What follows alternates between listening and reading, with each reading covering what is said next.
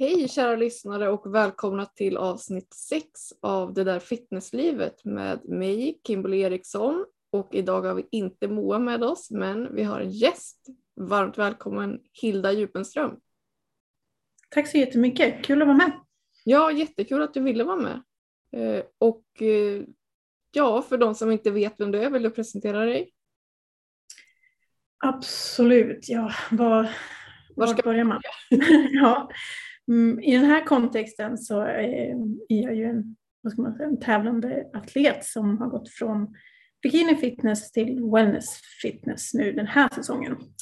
Ehm, I en annan kontext så är jag 26 år, jag jobbar som journalist och eh, ja, man kan väl också tillägga att jag har tävlat sedan 2019. Mm. Det är lite kort. Jag bor i Stockholm också. Mm. Kanske. Mm. Och jag tänkte vi kan väl ta avstamp egentligen i bytet från bikini fitness till wellness fitness. Mm, jag tror att det kanske är många som är, liksom, står i, de, eh, vad ska man säga, i startgroparna för det beslutet liksom, ja. i nuläget också. Wellness är ju en ganska ny klass. Ja, hur kände du när wellness kom? Kände du direkt att oj, det här vill jag göra? Såg du bikini som en inkörsport eller mer som att det var där du ville vara? Ja, jag, jag trodde nog att jag skulle hamna där så småningom. Ja. Eh, när, när jag liksom bestämde mig för att tävla så var det bikini. Det har alltid varit bikini som jag har liksom sett som, som målet och så när jag drömde om att tävla liksom för länge sedan. Eh, sen kom wellness, alltså jag tror wellness kom samma år eller året innan som jag började tävla så jag hade inte liksom sett så mycket av det överhuvudtaget. Det var väl ganska oklart också första året vad man ville se. Det känns som ja, alla tolkade det lite olika. Ja, man har ju sett flera olika varianter ja. um, sen dess. Man har liksom testat sig fram för att se ja, men vad är det vi är ute efter i den här grenen. Um, men nu tycker jag ändå att man har börjat få ett hum om, om vad det är. Mm. Um, åtminstone har man ju ja, men i ENPC har man ju, eller IFBB Pro League så har man ju nu haft det på Olympia, så nu har man ju satt en standard i det förbundet. Mm. Och, och, vi har väl på det sättet en standard i IFBB Elite Pro, den ligan som jag kör i, um, i och med att vi haft det på VM några gånger. Men det har ändå tagit sin lilla tid. Ja, men är eran posering likadan som i bikini i IFBB-förbundet eller skiljer den sig även där? Vi har likadan posering, så ja. det underlättar ju. Ja, precis. Ja. För visst Men för... väl du inför debuten i wellness på West Coast Trophy? Du körde både bikini och wellness. Det stämmer bra. Det stämmer bra. Jag var ju inte inställd på att jag skulle vara tillräckligt stor för wellness. Mm. Um, jag, alltså det har ju vuxit fram. Nej, det vet man inte. Men, men för mig, för att egentligen svara på den där första frågan om, om jag såg mig själv i wellness från början så var svaret nej. Men, det, men med tiden så har ju det liksom blivit en önskan som jag har haft. Att jag tyckte att det varit, jag vet inte, tröskeln hela, har hela tiden flyttats uppåt för vad man tycker är snyggt och, och för hur man vill att ens fysik ska se ut. Så jag har ju liksom, man har glidit in i det på ett sätt. Mm. Så det var väl egentligen det. Men sen så visste man ju inte. Så att jag, jag dubblerade på min första tävling den här säsongen. Mm. Och var väl så här, gick väl typ med på det. Ja, men då hoppades du ändå väl mest att det skulle gå bäst i wellness? Det är klart, ja, jag hoppades men jag kände ah, mest att ah, jag hoppas att det går bra men vi får se. Och sen ju mer tiden gick så såg man väl att okej, okay, det börjar kunna likna wellness här men men jag vet inte, jag vågade inte riktigt upp förhoppningarna så. Nej. så. Ja, men sen när man väl såg hur det såg ut på scenen så var det som att ah, det bara så klick, jag bara jaha, jag är här nu, jag kan ju köra på den här nivån i alla fall. Liksom. Ja, du känns ju väldigt självklar nu som wellnessatlet. Ja, ja, lite så. Och när jag tänker, ja, det, det, har gått sjukt fort nu. Liksom, med, ja. med Sen har du såklart gjort jobbet innan i flera år. Stämmer. Hur kom du in på träningsbanan från början och när hittade du till gymmet från första början? Ja, jag, jag hittade in på gymmet som jag tror att många andra gör alltså i samband med att man vill gå ner i vikt. Mm. Jag tyckte att jag ja, skulle gå ner i vikt. Jag tyckte att jag var lite mullig när jag typ var så här 16. Och eh, i, i samband med det här så, så blev det typ lite populärt med att börja styrketräna också. Mm. Det var när Instagram precis var nytt och det var någon så här strongest and new skinny och eh, Fitspo, alltså hashtag Fitspo och sånt där. Det, det, var liksom i samband med min första så här, viktnedgångsresa kan man säga. Ja.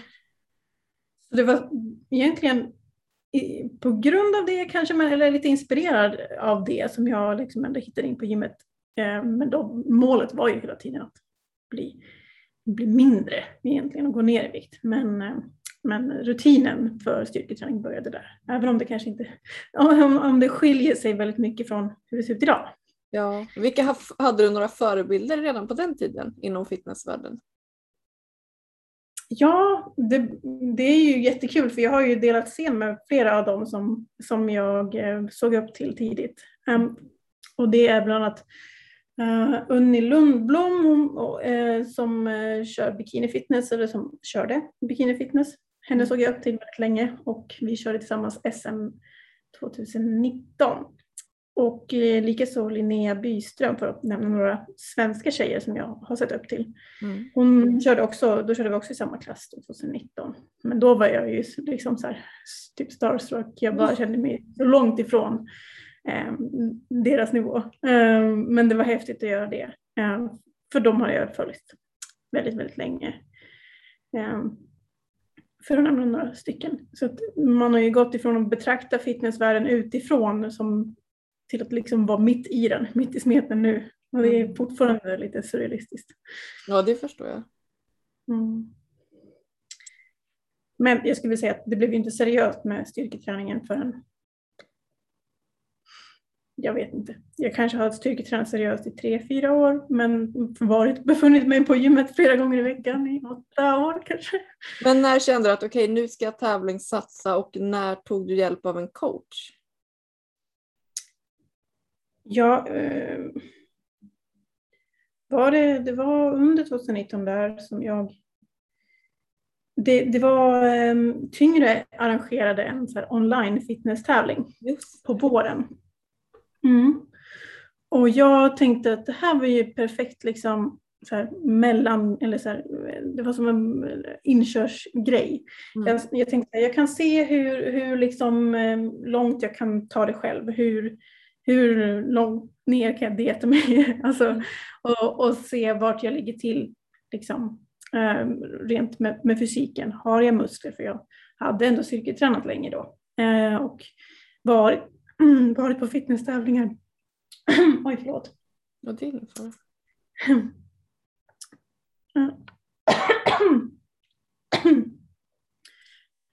Ja, men ni klipper inte i de här va? Nej, ja, nej, då, då får man lyssna på det man får här. stå ut. Ja. Ja. eh, Så då vill du se hur långt du jag, lite, ta jag kan det. berätta för lyssnarna så ska jag fortsätta. Jag blev lite torr här bara. Mm. Ja, vart var jag? Ja, du ville se hur långt du kunde ta dig inför Tyngres online-tävling. Mm. Exakt, så då körde jag själv. Och Ja. det var väl, Även posering. ja, Oj! på gott och ont. Ja. Ehm, och så det var unge, unge, under våren där som jag körde någon typ av egen komponerad hets. Men jag kom i form, eh, galet nog. Ehm, och jag var jättemotiverad av det. Skickade in de där bilderna i april någon gång och ehm, var väl mest imponerad av att jag lyckades bli alltså, hyfsat hård. Alltså, det, ehm, Men då måste du läst på en del ändå. Ja, jo men det, det hade jag gjort. Ehm, men sen kanske inte det var det mest hållbara. Det är klart att det går att bli hård om man bara Nej. tar bort mat och, och ökar träningsmängden. Ehm, men ja, man kan se att i och med det så hade jag ett ganska bra utgångsläge sen. Så jag såg att okej, men det här var nog inte så farligt liksom. Eh, och typ någon månad senare så, så tänkte jag att äh, nu är jag så pass nära liksom att jag kontaktade min första coach och Mm. eh, så blev det egentligen som jag hade väl en kort uppbyggnadsfas där, kanske en, två månader. Eh, egentligen att jag bara bibehöll innan vi började den riktiga dieten då, mot eh, hösten 2019. Där jag körde min första riktiga tävling. Och det var lite annorlunda. Men, ja, det... Vilken var det då? Det var Karo Aspmenskog. Ja, och vilken tävling var det? Jag debuterade på Nordic Shape Open 2019. Just det. Här i Stockholm. Fick du mer smak? Det fick jag. Det fick jag.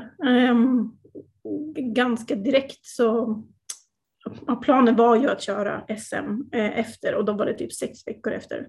Mm. Um, och jag mest för att få känna efter vart jag stod liksom mot mm det motståndet för att det är alltid bra. Man får göra det i den här sporten, man får hela tiden ställa sig mot hårdare motstånd för att förstå ungefär hur man ligger till. Um, så ja, efter det kände jag att, att det gick ganska bra. Jag tyckte att det var tufft motstånd i min klass. Jag tror att det var 13-14 tjejer och jag tog mig till final liksom, på mitt första SM. Så jag kände att okay, men ja, det här kan nog vara min grej. Liksom. Det gick ju rätt bra den här debutsäsongen så jag skulle nog fortsätta. Mm. Så att det var egentligen då jag bestämde mig för att nej, men ehm, jag ska jag, alltså jag har alltid haft som mål att ta ett SM-guld. Um, och då tänkte jag att nej, men, om uh, ett år eller två år, eller nästa mål ska vara att ta ett SM-guld, men i bikini fitness. Det tänkte jag då direkt efter. Sen så blev det en annan väg, men den blev rätt bra den med. Ja, men hur har träningen sett ut när ni har siktat in er mer på wellness? Har det blivit någon skillnad där? Alltså, jag har hittills inte tränat wellness specifikt. Nej. I och med att... För det är ändå ben och rumpa, så det är lite likt ändå, bara att det ska på mer massa. Ja, det stämmer. Ja, och för många... Man är bottom heavy eller inte i sig själv såklart. Exakt, och det, det är väl liksom lite det jag är, att jag har bra liksom, anlag för att lägga på mig på benen. Ja. Och det upplever jag att jag har haft typ hela tiden. Um, men uh, jag menar bikiniträning kan ju vara väldigt benfokuserad också. Mm. Så att jag har kört liksom två, tre benpass i veckan.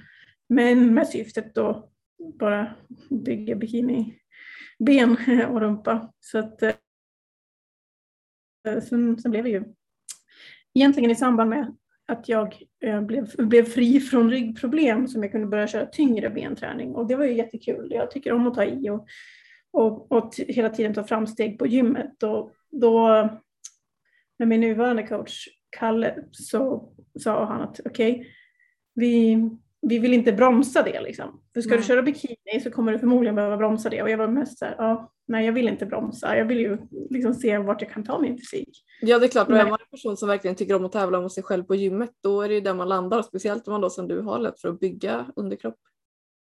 Exakt. Så att, sen hade jag väl kanske inte trott att det skulle räcka så långt som, som det hade gjort i och med att det ändå är typ ett, ett halvår kanske. Men du är välmeriterad nu får man ju ändå säga. Ja, ja, det är precis för, för de som inte känner till mig så körde jag ju, ja, den första tävlingen gick ju väldigt bra. Ja. Jag tog ett guld i, i wellness och jag blev sexa i bikini och det kändes ju väldigt tydligt då att vart domarna ville ha mig. Absolut. Och hur laddade mm. ni om sen inför SM? Hur många veckor var det däremellan? Fyra veckor hade vi. Ja. Och då, ja, i och med att vi hade kvittot då på vilken klass jag borde köra så, så körde vi på att nej, men då blir det wellness mm. eh, på SM också.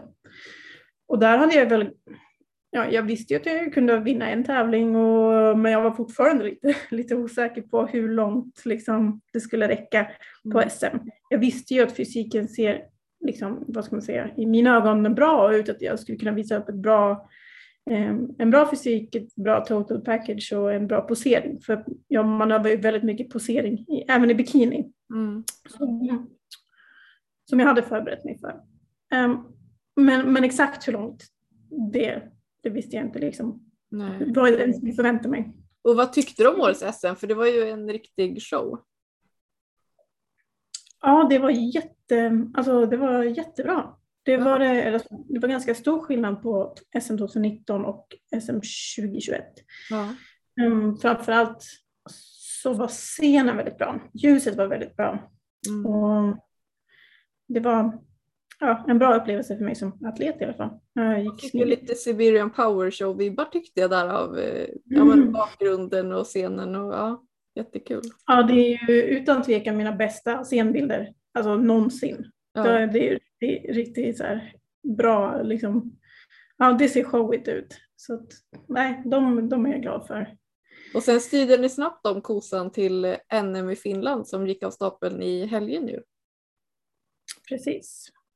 Precis, för på SM, eh, på SM så fick jag ett, ett silver, helt magiskt nog. Ehm, och, vilket jag var extremt nöjd med. Och vi, men det här var ju också så här, ett, bara några poäng ifrån eh, ett, ett guld som hade gett mig en VM-biljett.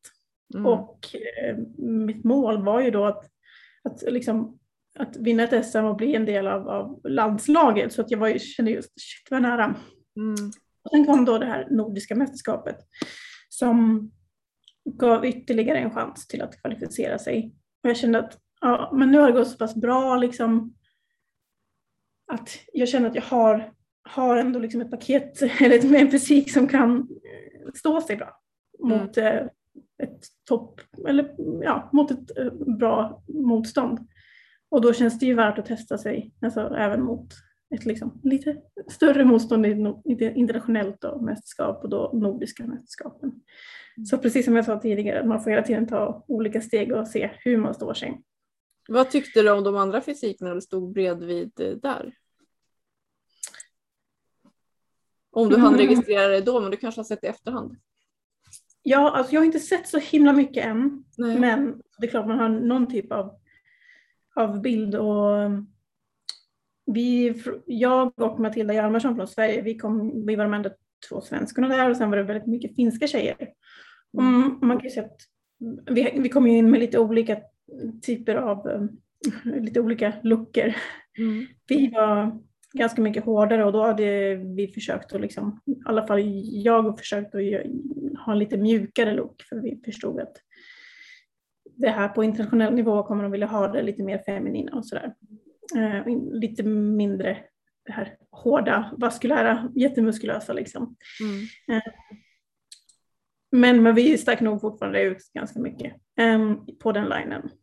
De, de, eh, men sen så var de ju det var riktigt bra tjejer med som nu också blev proffs, en av dem. De tog overallen. Uh, finska mästare, mästarinnorna, det var två stycken.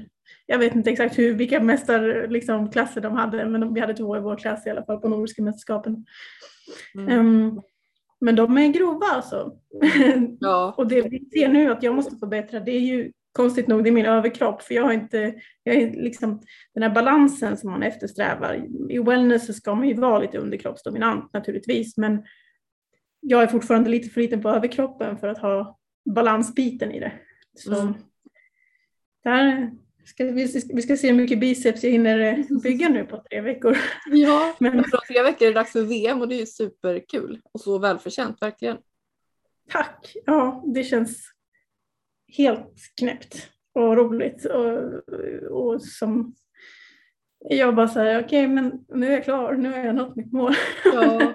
Nej, men eh, att, att bli en del av, av landslaget. Får jag ställa en fråga? Du får säga pass om den är för politiskt laddad kanske. Okej, Men den kommer ja. här då.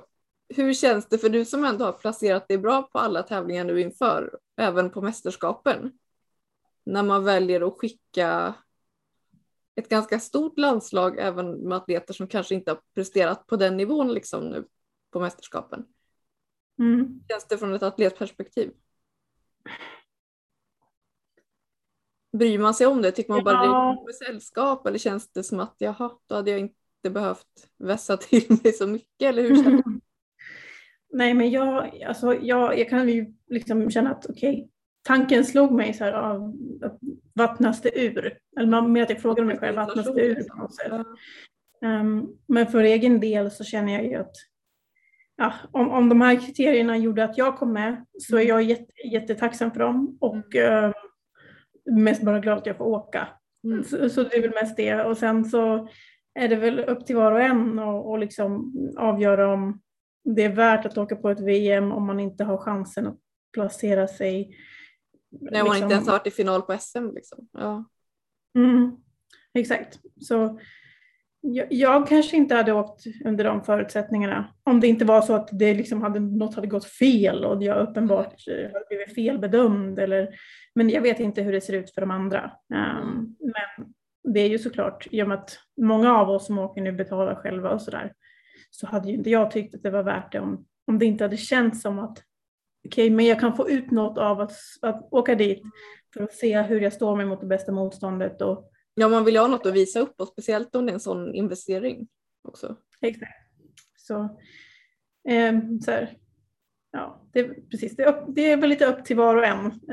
Um, och det är väl det. Men, men såklart, jag kan förstå vad du menar. Det blir ju inte samma liksom där, ja, den handplockade skaran-känslan. Även om de ändå, de som åker är bra. Ja, eh, vad jag vet.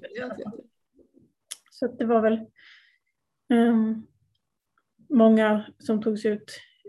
Alltså jag, jag vet inte, jag tycker att det är bättre att vi tar ut många än få mm. um, under den här förutsättningarna. Ja, precis. Men hur ser planen ut efter VM? Blir det en off-season eller har du nya tävlingar som du satsar mot eller har du inte bestämt än? Så som det har eh, känts nu så kommer det bli en off-season. Ja. Eh, och det var väl planen egentligen. Eh, hela, hela tiden att säga okej, okay, nu gick det bra i wellness men jag ser ju fortfarande att jag kan ju växa in i den här klassen ännu mer. Jag har en del att bygga så för att verkligen bli liksom, i det absoluta toppskiktet. Det är, nu är det lite så här att jag får posera upp mig själv lite grann. Jag, jag, har, jag behöver kompensera lite för att jag är lite mindre än de andra fortfarande. Även om jag såklart är bra. Ja, det, det, får man ju säga. Liksom. Ja det får man verkligen säga. ja, för jag blev, jag blev också fyra sen nu på, på Nordiska mästerskapen av ja. 20 tjejer. Så mm. det var ju jag ska absolut inte sitta och säga att jag inte hör hemma där. Liksom, för det har ju gått väldigt bra. Men eh, ja, det finns att bygga. Och sen så har jag ju kört väldigt mycket diet mm. de senaste tre åren. Eh, för att jag körde 2019, jag satsade på 2020 men allt blev inställt. Sen nu 2021 så kroppen behöver en lång off-season. Mm. Och hur, om du tänker några år framåt, sneglar du åt NPC-hållet eller hur?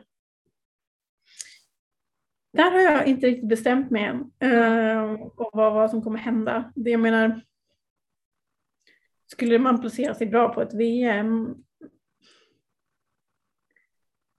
och sen, jag menar det känns ju som att då, då kommer man också kunna se vad ska jag bygga för att mm. placera mig ännu bättre på ett VM. Kanske ja, vad gör jag för att bli världsmästare?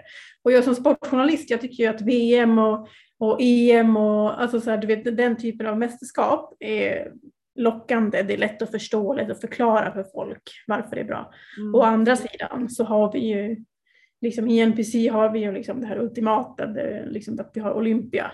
Mm. Ja, och då är frågan, ska man, skulle man liksom försöka satsa på att bli proffs?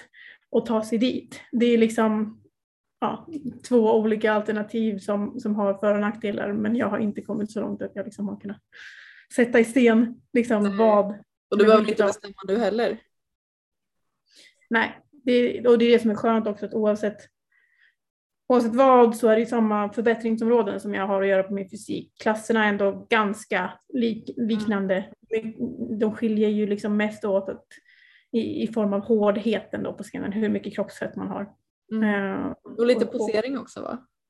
Ja, och posering. Men, men det är inte så att jag behöver ha olika planer beroende på, alltså för min träning under min off-season. Um, beroende på vilket förbund som man skulle landa i till sist. Och vi har faktiskt fått in en fråga här om just off-season. Jag tänker vi kan ta den nu då kanske.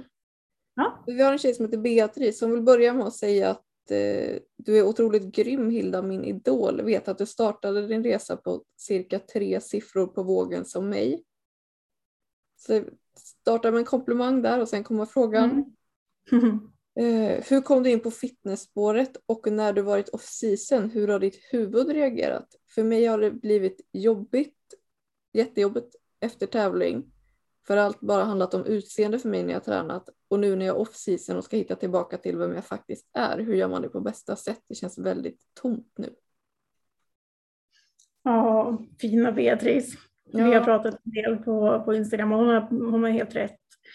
Ehm, jag började ju igen änden av att vara överviktig. Eller jag har egentligen varit, jag har varit till och från, upp och ner. Ehm, men men vi, när jag började min fitness, fitnessresa nu här de senaste sex åren så, så var jag uppe och, och vägde ungefär 100 kilo och var inte jättebekväm med det. Ehm, så det är klart att det, det, är ju en... När man på något sätt eh, börjar ifrån det så har man ju ett extra fokus på sitt utseende i och med att man känner sig ganska obekväm i sig själv. Och då för liksom varje kilo man går ner och för varje liksom muskel man bygger så blir det ju så här, man blir stolt över sig själv och man känner sig bättre och bättre och bättre. Och det, jag tror att det är lätt att man fastnar i utseendegrejen då, speciellt om man hoppar in i en fitness eh, liksom, satsning och en, en tävlingssatsning direkt. Mm. Um, visserligen är det väldigt motiverande och det var liksom en enorm liksom, ett enormt självförverkligande för mig att, att kunna göra det.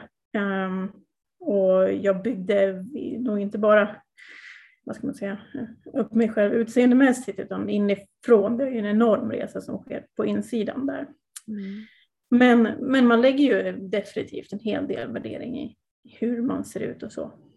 Sen blir det väl också att man kanske hamnar lite utanför komfortzonen för att man kanske är rädd att inom då kaninöron se ut som innan. Mm. I takt med att man ökar ja, i vikt antar jag. Men då får man kanske tänka att man behöver också upp lite vikt för att kunna bygga muskler. Exakt, för sen när man går in i den här off-season, det beror mycket på så här.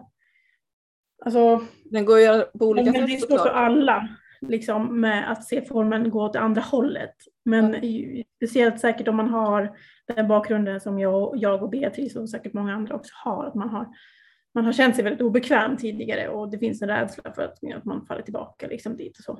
Men hur jag hanterat det, som sagt har jag inte haft någon väldigt lång off-season men jag har haft en hel del mer kroppsfett på mig.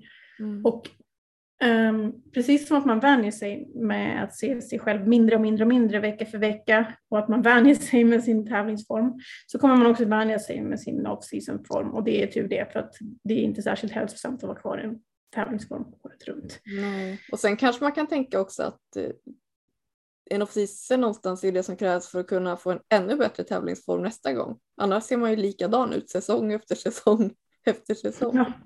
Ja, dels det. Alltså, dels för att bli bättre i tävlingssammanhang så måste man ju eh, kunna släppa formen. Um, att kunna vara en bra atlet så att säga och den sidan av sig. Och sen så så får man ju reflektera över kring om, om man vill verkligen sätta utseendemål enbart. Mm. För att, eh, jag menar, mm, man behöver ju sätta andra typer av mål under en off-season också. Um, och typ som att bli stark. Mm. Som att uh, göra bra ifrån sig liksom, i skolan eller uh, att uh, sätta karriärmål och bygga på andra sidor av sig själv. Jag har lite mer socialt. till människorna. Ja, men det sociala livet, relationer, allting. För att det man märker, eller som jag märkte, var att okej, okay, ingen i, av mina vänner tycker bättre om mig när jag är snygg eller liksom i tävlingsform. Eh, ingen av, liksom, inget av mina jobb som jag har jobbat på har liksom Ja, jag har inte fått mer respekt där eller på något sätt för att jag har varit i tävlingsform utan där är det liksom det på insidan, det är min kompetens, det är vem jag är som spelar roll. Och det är det som spelar roll för människorna som jag bryr mig om. Mm. Eh, också. Så att allt det som egentligen är viktigt är ju helt oberoende av hur jag har sett ut. Mm. Och det märker man med tiden och, och, det känns skönt tycker jag för då blir man inte lika rädd. Ja, men, men när jag gick runt och vägde 100 kilo så trodde jag att det var viktigare. Jag trodde att, att jag skulle behandlas bättre när jag var smal. Jag trodde att livet skulle vara så mycket bättre när jag var smal. Mm. Och eh, det har jag märkt att nej, så, så är det inte. Det har ju helt att göra med hur man mår på insidan. Däremot så kan man må väldigt bra på insidan om att ha mål tycker jag och jag tycker om att röra mig framåt. Men man kan inte bara göra det genom att gå ner i vikt eller att titta på utseendet. Nej. Så. Ja, men det var ju. Lite flummigt men, men det är en stor fråga. Ja, verkligen måste- och viktig. Ja, och man måste ju nog fundera på det innan man ger sig in i en utseendesport också. Liksom. Ja, För är man det- beredd att bli bedömd? Bara Ja, exakt. Exakt.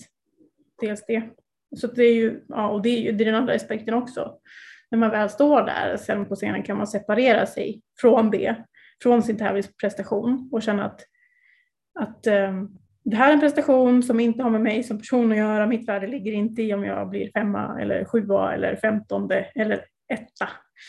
Ehm, och, och, ja, jag vet inte hur man gör det. Jag vet bara att på något sätt har jag lyckats med det. med den biten. mycket så också skilja på typ min kropp och mig som person på något sätt. Fast det är kanske mer ur ett andligt perspektiv då, men jag är verkligen så här, det, det där är kroppen, det här är jag. Ja. Och därför kan det nästan kanske låta konstigt när jag pratar om min fysik och säger så här, nej, formen var skit där, det där såg inte bra ut, det där som att jag skulle prata om någon annan. Mm. Ja, men jag förstår precis vad du menar där.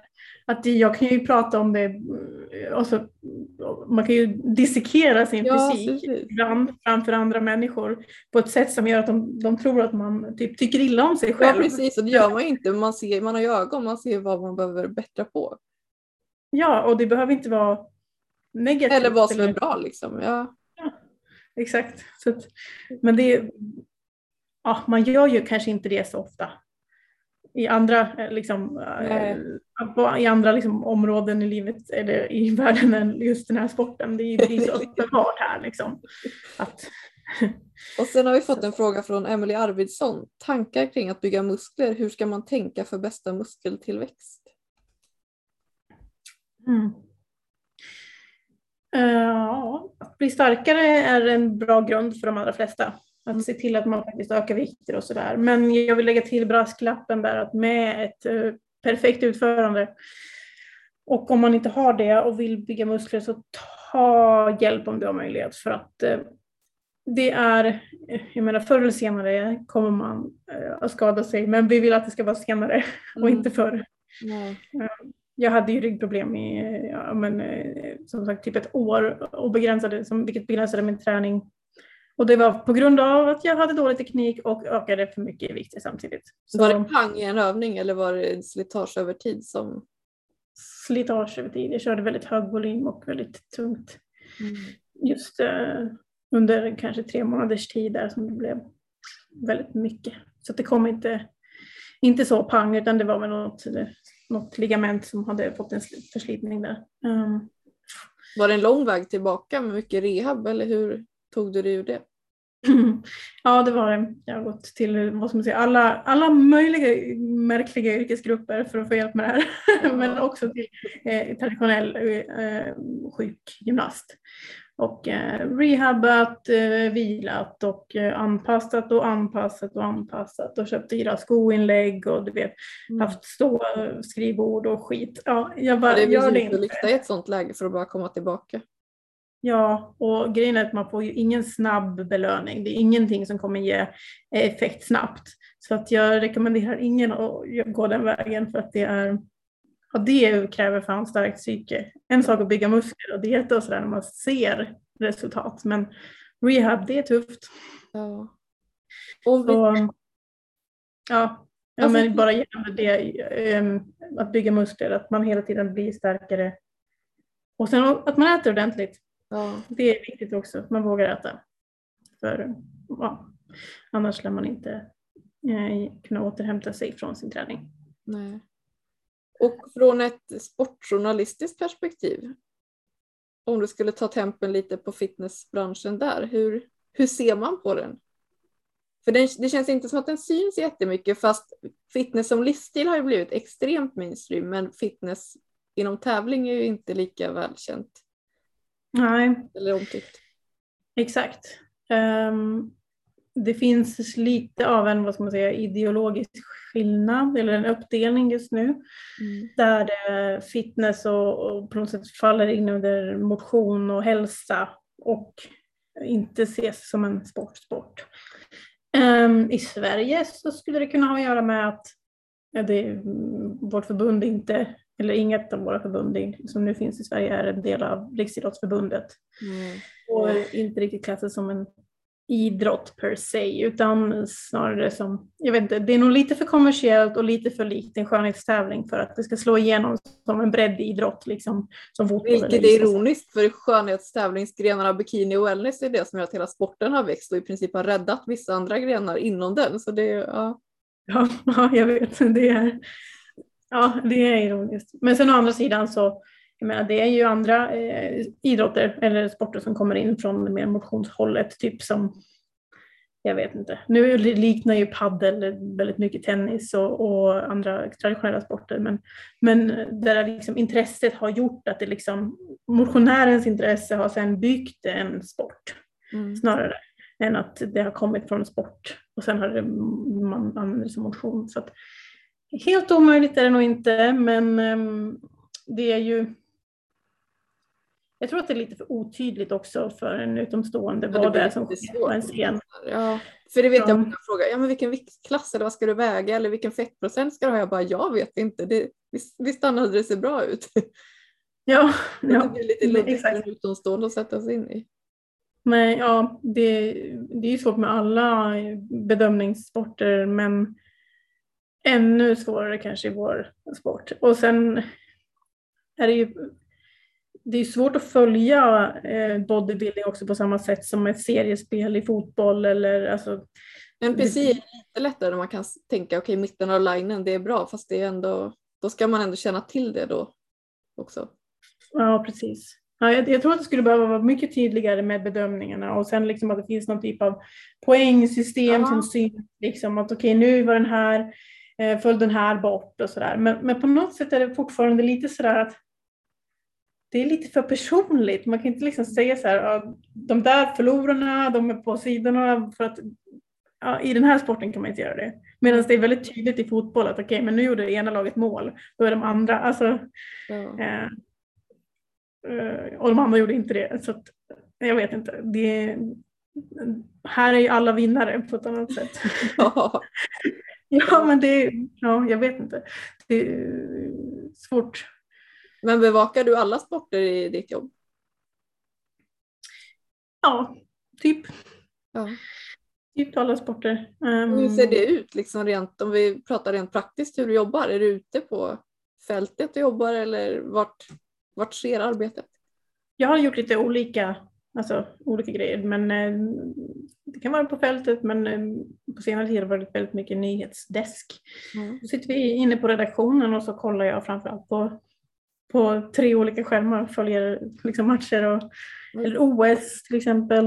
Eh, eller eh, vad som. Och, men det blir ju mycket såklart i fotboll, ishockey, alltså sådana de stora publiksporterna liksom, i, Sverige. Men eh, sen kan det komma något enstaka, så här, och det var kanot-VM och då tog vi guld och då skriver man om det. Och, och, så du kan liksom alla de här sporterna?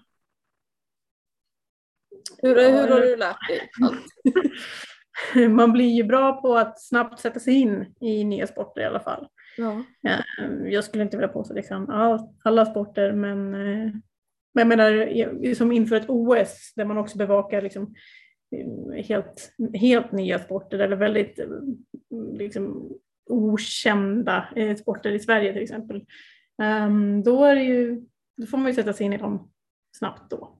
Mm. Men efter ett tag så ser man ju mönster eh, i, i det och, och, då blir det inte lika svårt att liksom, ja, förstå.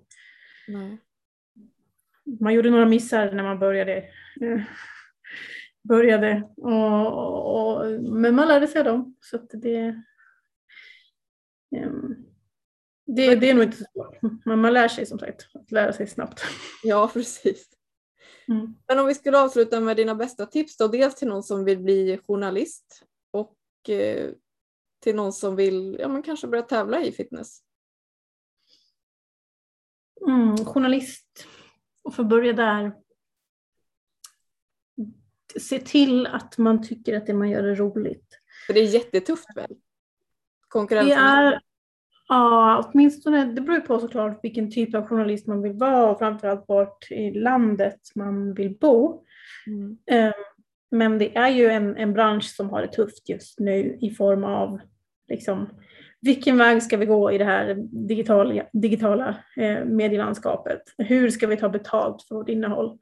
Um, och det gör ju att eh, det är svårt att få fasta jobb just nu. Mm. Eh, och, och i, i, det här finns ett system där man får hoppa runt en hel del och det får man nog vara beredd på hur, hur duktig man än är. Att man får hoppa runt. kanske? Ja, det kommer ta ett par år innan man liksom har det här liksom fasta, fasta jobbet där man sen kan ha villa och Volvo och liksom hund. Mm. Det, om, om det är ens liksom livsdröm så får man veta att det, det kanske tar ett tag att ta sig dit. Mm. Däremot kan man ha väldigt, väldigt kul på vägen. Det är väldigt roligt. Alltså, ingen idag är ju den andra lik.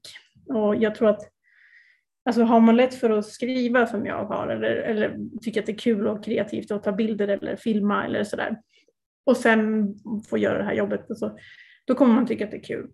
Mm. Men det måste vara det för att annars kommer det nog inte vara värt det. Mm. Just på grund av stressen som det, det, kan innebära. Att man tvingas byta arbetsplats då och då och man kommer behöva vara lite flexibel ibland. Och, ja, det fick vi se när du bevakade OS var det väl när du fick gå upp och köra cardio vid 03 va? Ja, precis. Jag började vid fyra och så hade man morgoncardio. Ja, det var ju kanske så här, inte det var bra. bästa tiden ja. i mitt liv. Men det var å andra sidan, det som är kul det, det, med att jobba så, att man jobbar ju när saker händer. Mm. Och så, när något händer så blir det kul, då blir det puls, det blir tempo och så. Um, å andra sidan så, ja, andra saker, att, ja, då får man lägga sin cardio vid två, tre på morgonen för att hinna med den så att man ska kunna ha en styrketräning sen på eftermiddagen. Och, ja lite, lite knäppt blir det. Så inget för en latte kanske? Nej, kanske inte.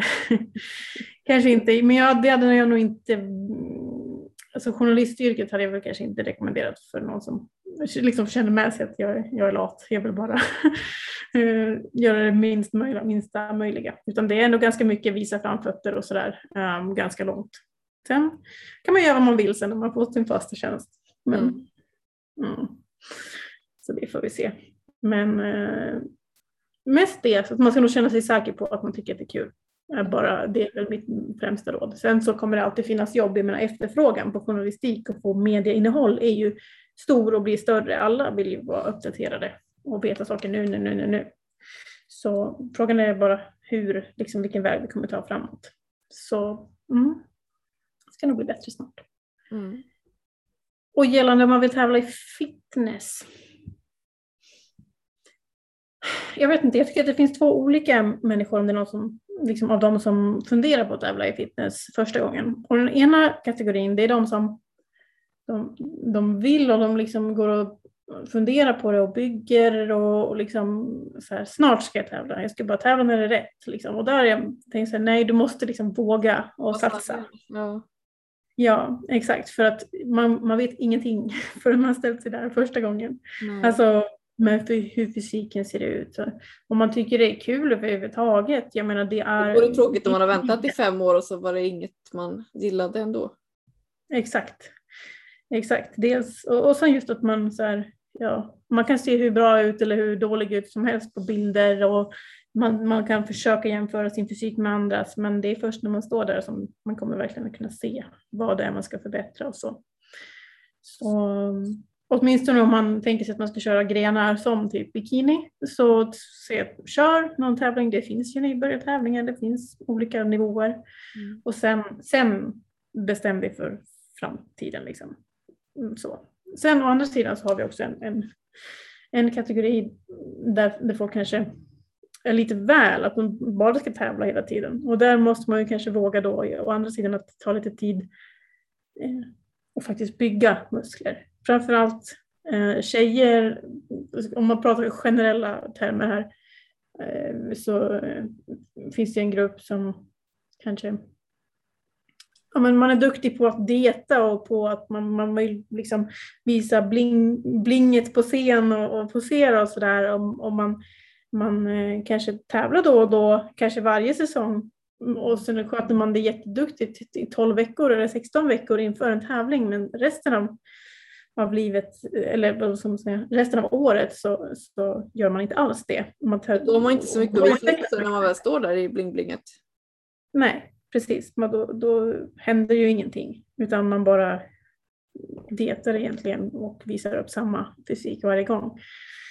Um, och jag tror inte, såklart så gör man ju inte det här med flit. Det är ju, det, det är ju förmodligen omedvetet och det blir väl så. Men där hade jag nog eh, liksom jätteroligt att eh, bygga upp sin kropp och sin ämnesomsättning så mycket man kan genom att lägga på sig mycket muskelmassa.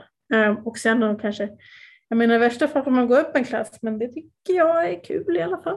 Jag kan rekommendera wellness. Ja. För alla som känner att deras kropp är på väg ditåt. Det är roligt att ha mycket muskelmassa på kroppen. Man får äta mer, det tycker jag om. Ja, och sen om kärleken till styrketräningen är det som driver ett tävlingsintresse då, då vill man kanske inte sluta träna hårt heller. Nej, precis. Då, då vill man ju liksom ta det så långt som det går och sen ser man. Jag menar, eh, jag vet inte, det kanske inte, jag kanske kommer stagnera helt och hållet om, om ett år och så var det inte mer. Så. så där tänker jag också ibland, tänk om this is it, om, om inte kommer längre liksom. Jag tänka. Men mm. varför skulle det vara så å andra sidan? Det...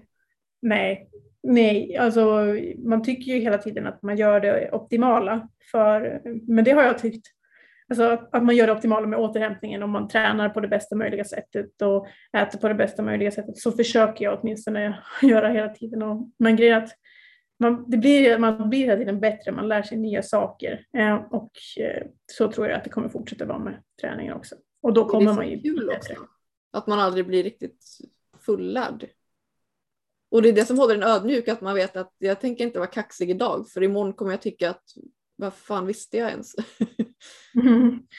Exakt, nej det man vill ju kunna titta tillbaka på sig själv och, och se att där var jag inte lika bra som jag är nu. Alltså att man, man inte skäms men kanske lite. Alltså, ja. Det är ett privilegium att få skämmas lite grann för hur man tränade eller hur man såg ut eller vad, vad man poserade. För då har man ju ändå kommit någonstans. Så att, ja, nej, det, och det är väl det som är charmen med den här sporten också, att man faktiskt hela tiden har möjligheten att bli bättre. Ja. Mm.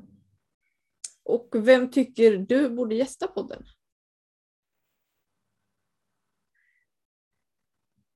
Mm. Det kan vara Jag skulle säga, oj, det finns um, jag tycker att ni borde prata med, om, om man vill ha nörderier kring, kring egentligen vad som helst, men, men min coach Kalle Lundqvist har ju eh, så mycket att säga um, mm. om allt möjligt. Han har lärt mig super, super mycket, framförallt kring träningen, alltså tagit den till nästa nivå.